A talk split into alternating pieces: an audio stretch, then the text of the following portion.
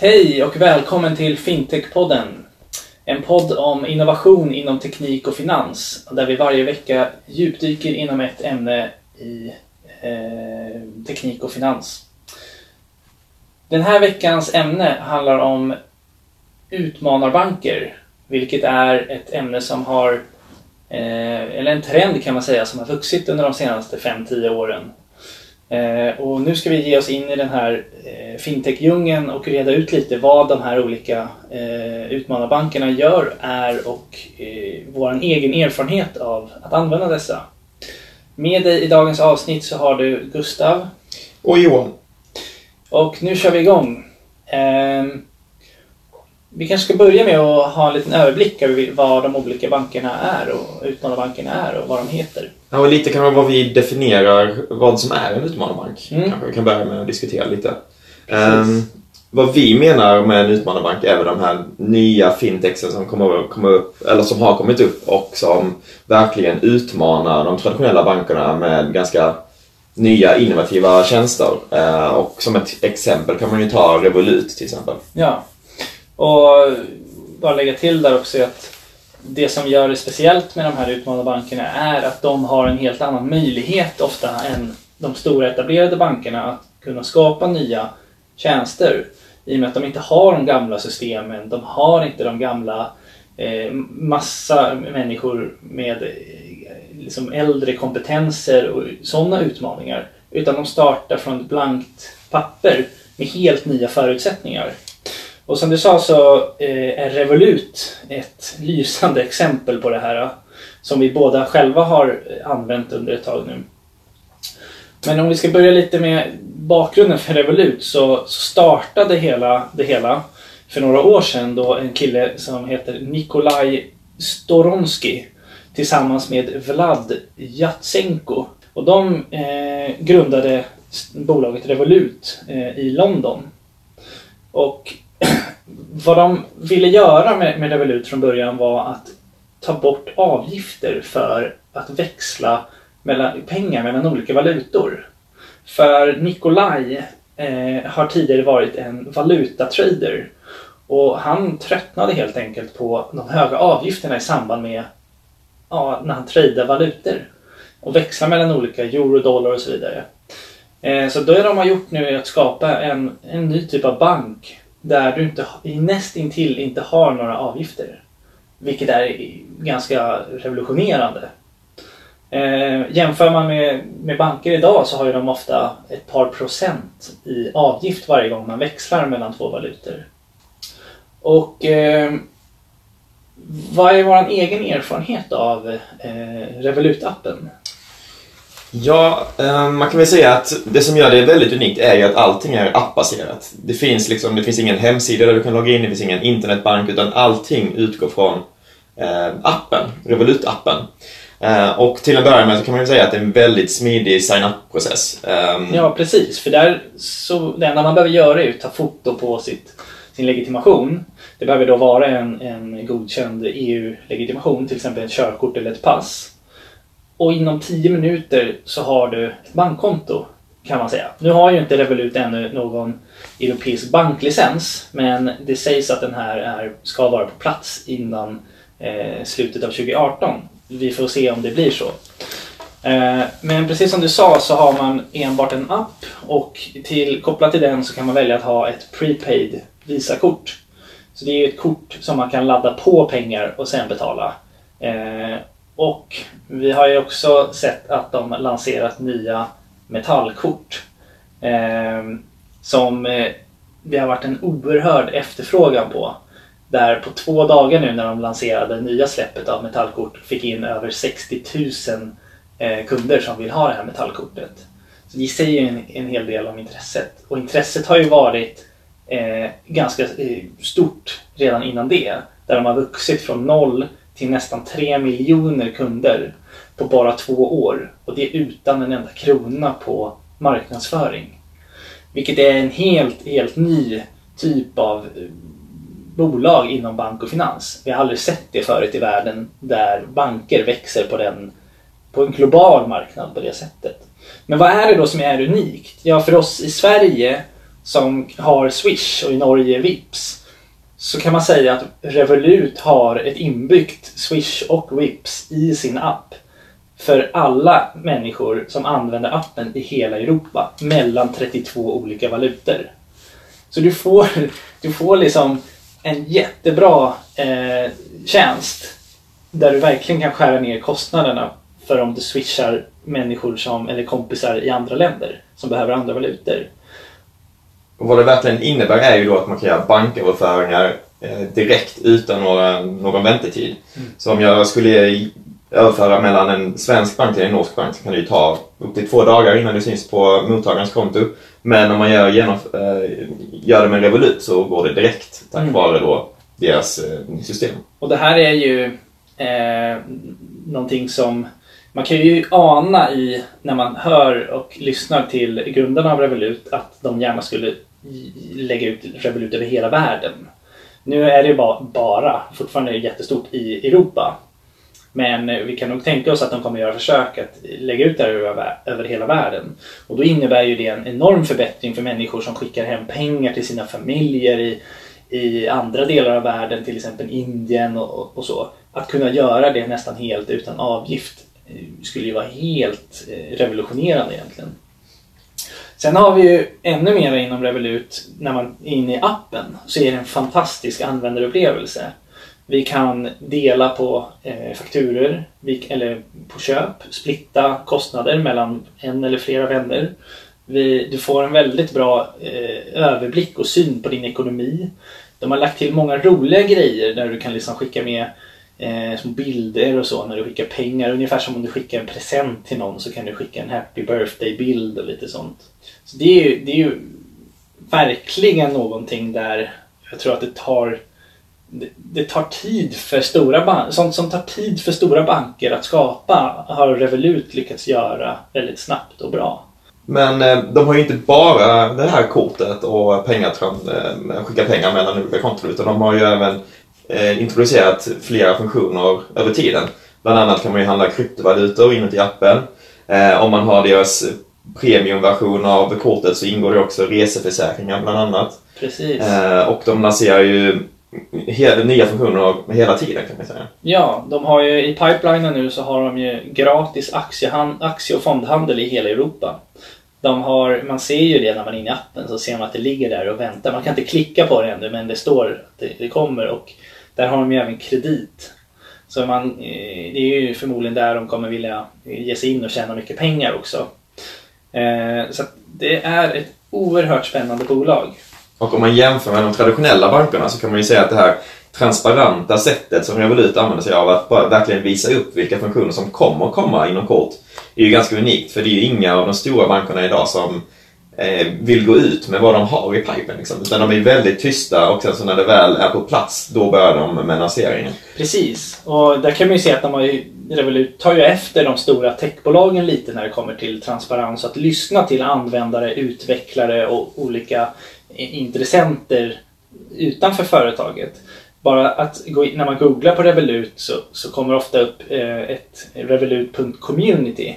Och när man kommer in där så ser man att det strömmar in med kommentarer från alla möjliga olika människor. Både användare, utvecklare och andra IT-personer som skriver vad de önskar att Revolut skulle kunna utveckla. Och hur Revolut verkligen lyssnar på publiken och på ett väldigt snabbt och bra sätt kan anpassa sig och skapa tjänster som marknaden vill ha. Vilket gör att det är en helt, helt fantastisk eh, användarupplevelse där, där du nästan kan gå in och be om en, en eh, funktionalitet. Och några veckor senare, om det är många som har bett om den då, så kan den vara implementerad. Men eh, om vi ska gå vidare lite med det här temat på pengaöverföringar mellan olika länder så finns ju ett annat eh, startup i Europa som heter Transferwise. Som eh, startades eller grundades i Estland eh, och nu baserat i UK. Och vad de gör är ju lite ungefär samma sak som Revolut här som vi pratade om, att kunna skicka pengar mellan olika länder. Men eh, grejen med Revolut är ju att du kan bara skicka pengar mellan olika personer som använder sig av Revolut-appen eller som, är, ja, som har signat upp för appen. Men det Transferwise gör är att de kan sända i, mellan i princip vilka banker som helst. Precis, och där har ju jag eh, lite egen erfarenhet av att använda Transferwise. Det började redan 2000 2015, 2016 då jag var, då jag var på utbyte i eh, Australien, i Melbourne. Och eh, av naturliga skäl då ville jag få över kronor till australienska dollar på mitt bankkonto i Australien. Det här tog ju flera dagar att göra med vanlig banköverföring. Men då använde jag Transferwise och gick, det gick ju då väldigt mycket snabbare. Inom 24 timmar tror jag hade pengarna på kontot i Australien och kostnaden var både transparent och oerhört mycket lägre än vad den skulle vara om jag skickade via bank, traditionell banköverföring. Eh, och nu, för inte så länge sedan, så har jag också testat Transferwise i samband med att jag och en annan eh, en kompis som jag har eh, små utvecklarprojekt tillsammans med där vi har beställt design från eh, olika personer bosatta i Indien. Och de använder då Transferwise för att eh, ta betalt. Eh, så det blir nästan en utmanare mot Paypal. För Paypal har, eh, tror jag, 2,5 eller någonting procents avgift på varje överföring. Eller om det är mer till och med. Då. Eh, Transferwise, jag vet inte exakt hur mycket de har men den är ju, den är ju minimal kan man väl säga. Eh, så det är ju någonting som många idag börjar använda för sådana typer av tjänster. Och det är också en marknad som vi ser växer med en sorts global, en global mm, gig-economy-marknad. Mm. Och det som gör dem unika är ju verkligen det här med det transparenta i det hela. Att innan du trycker på sen så ser du exakt hur mycket valutaväxlingsavgiften och hur mycket Transferwise fast avgift. Och det är väldigt eh, otransparent på de traditionella bankerna för då skriver du bara in hur mycket mottagaren ska ha och sen så vet du inte riktigt exakt vad valuta avgiften och sådant är förrän några dagar senare när pengarna dras från ditt konto. Precis, och när du har tryckt på knappen och skickat iväg pengarna då får du också ganska bra feedback och får följa pengarna stegvis vad som händer med pengarna, var de är och vad som behöver är kvar att göras för att pengarna ska komma fram till den du skickar pengarna till. På samma sätt får den du skickar till också den här översynen och det är ju en väldig skillnad mot hur det är traditionellt inom bank. För det är ju lite som att skicka in, för, för en kund som inte kan Eh, hur banker och så fungerar eh, när det gäller överföringar mellan olika länder så är det lite som att skicka in pengar i ett svart hål och sen någon gång om några dagar eller någon vecka så ploppar pengarna upp på den andra sidan. Eh, och det finns ju många som har gjort eh, många skämt om det här. Att det, om man ska skicka pengar idag från till exempel Sverige till New York Eh, så kan det vara snabbaste sättet vara att sätta sig på ett flygplan och åka över med pengarna i en, i en resväska. Men det här är ju verkligen någonting som, Revolut, eller som Transferwise förändrar mm. och förbättrar. Eh, ja, men eh, ska vi bege oss vidare till eh, ett, vårt svenska startup? Ja, eh, Klarna. Eh, och det var inte så länge sedan de faktiskt fick sin egna banklicens.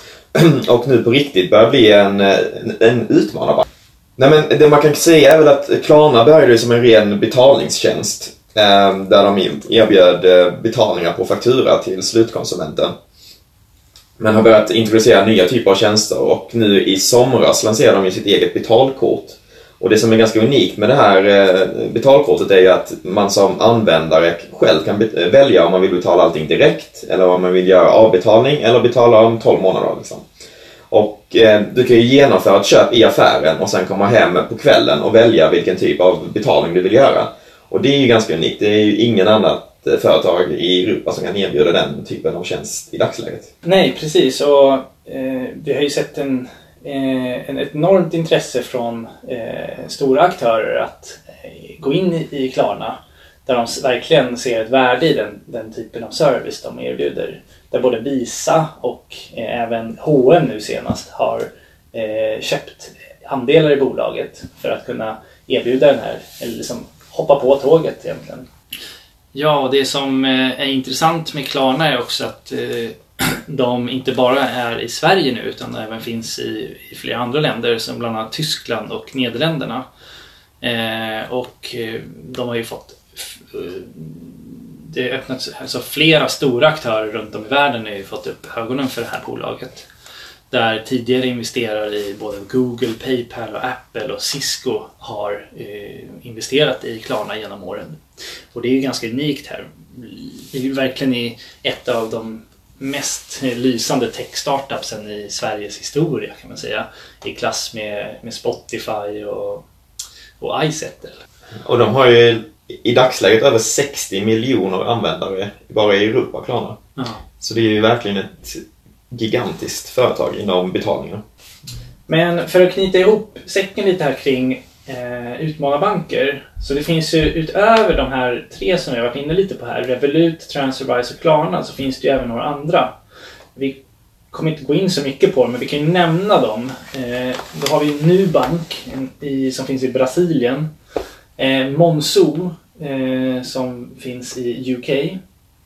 N26 också från, eh, är det i Tyskland? Är de? Tyskland, precis. Och sen har vi eh, det här som Kinnevik har investerat i nyligen, Moniz. Eh, som också har sitt huvudkontor i UK. Mm. Eh, och det här är ju andra, typ, eller andra startupbanker som eh, liknar eh, de här tre som vi har varit inne på. Eh, så att det är verkligen en marknad som under de senaste fem åren har exploderat med, med både riskkapital, alla stora eh, investerare och investmentbolag eh, är intresserade av att investera i den här typen av fintechs eller utmanarbanker. Det man lite kan säga är ju också att Europa verkligen leder utvecklingen när det kommer till utmanarbanker och fintech generellt. Mm. Ehm, Att det är här väldigt många uppstickare har kommit från och för att sedan expandera till andra marknader också. Precis, och sen är det många eh, även i, i eh, Sydamerika där vi har det här som vi nämnde, Nubank. Eh, som har fått verkligen upp eh, mycket ögonen på sig i media och så där eh, både Tencent och Goldman Sachs har investerat i Nubank och satt in enorma eh, summor pengar där. Så det verkligen intressanta eh, saker som börjar hända på marknaden. Ja, men har vi någonting att avsluta med så här inom eh, utmanarbanker? Ja, men det man kan säga är väl att eh, utmanarbankerna nu på riktigt börjar utmana storbankerna och eh, i princip ta kunder från dem genom att introducera nya typer av tjänster, nya sätt att använda sig av traditionella tjänster på som är mer användaranpassade kan man säga, som Mm. utgår från användarens behov. Och eh, vad vi också ser är att det är inte riktigt så att man idag kan liksom lämna sin traditionella bank helt och hållet. Utan det är mer för den här vardagliga konsumtionen och mer för den typen. Men liksom, de här utmanarbankerna har ju inte möjlighet att kunna ge bolån och den typen av tjänster idag. Så att du kommer ju, det är inte så att du kan bara eh, skrota din gamla bank och hoppa över till de här. Utan de funkar snarare idag som ett komplement. Det är möjligt att de kommer kunna erbjuda sådana här tjänster i framtiden. Det kan man ju gissa att de kommer vara intresserade av att göra för det finns ju enorma pengar för dem att tjäna på, på den typen av tjänster. Men i dagsläget så är det ju mer ett komplement till nuvarande banker. Precis, men här finns det ju en väldigt stor risk att eh, de traditionella bankerna blir någon form av back-end-lösning. Där de här utmanarbankerna kommer och introducerar nya tjänster och sen bara använder sig av eh, storbankernas back-end i princip. Precis, den, den liksom IT-infrastrukturen som har byggts upp av bankerna. Och att de här startup-bankerna eller utmanarbankerna lägger sig som ett, som ett fin, eh, smidigt, snyggt lager ovanpå eh, de traditionella bankerna. Och då får de ju också all användar ehm, kontakt med slutanvändaren. Precis, de äger ju kunden. I, liksom, de är ju interfacet som kunden befinner sig i. Och med det kommer ju massa fördelar att kunna... Det är där de kan sälja, det är där de kan eh, låna ut pengar, det är där de kan göra allting som... För att vi människor har ju en... en eh, vi förväntar oss att få en, en bra användarupplevelse. Och när vi får användarupplevelsen i kombination med erbjudanden så finns det enorma möjligheter för de här startupbankerna att, att sälja på mer lösningar och mer mm, tjänster till, till kunden. Något som de traditionella bankerna då kommer missa för att de inte är det här användargränssnittet som kunden befinner sig i och som kunden gör sina eh, dagliga eh, banktjänster i.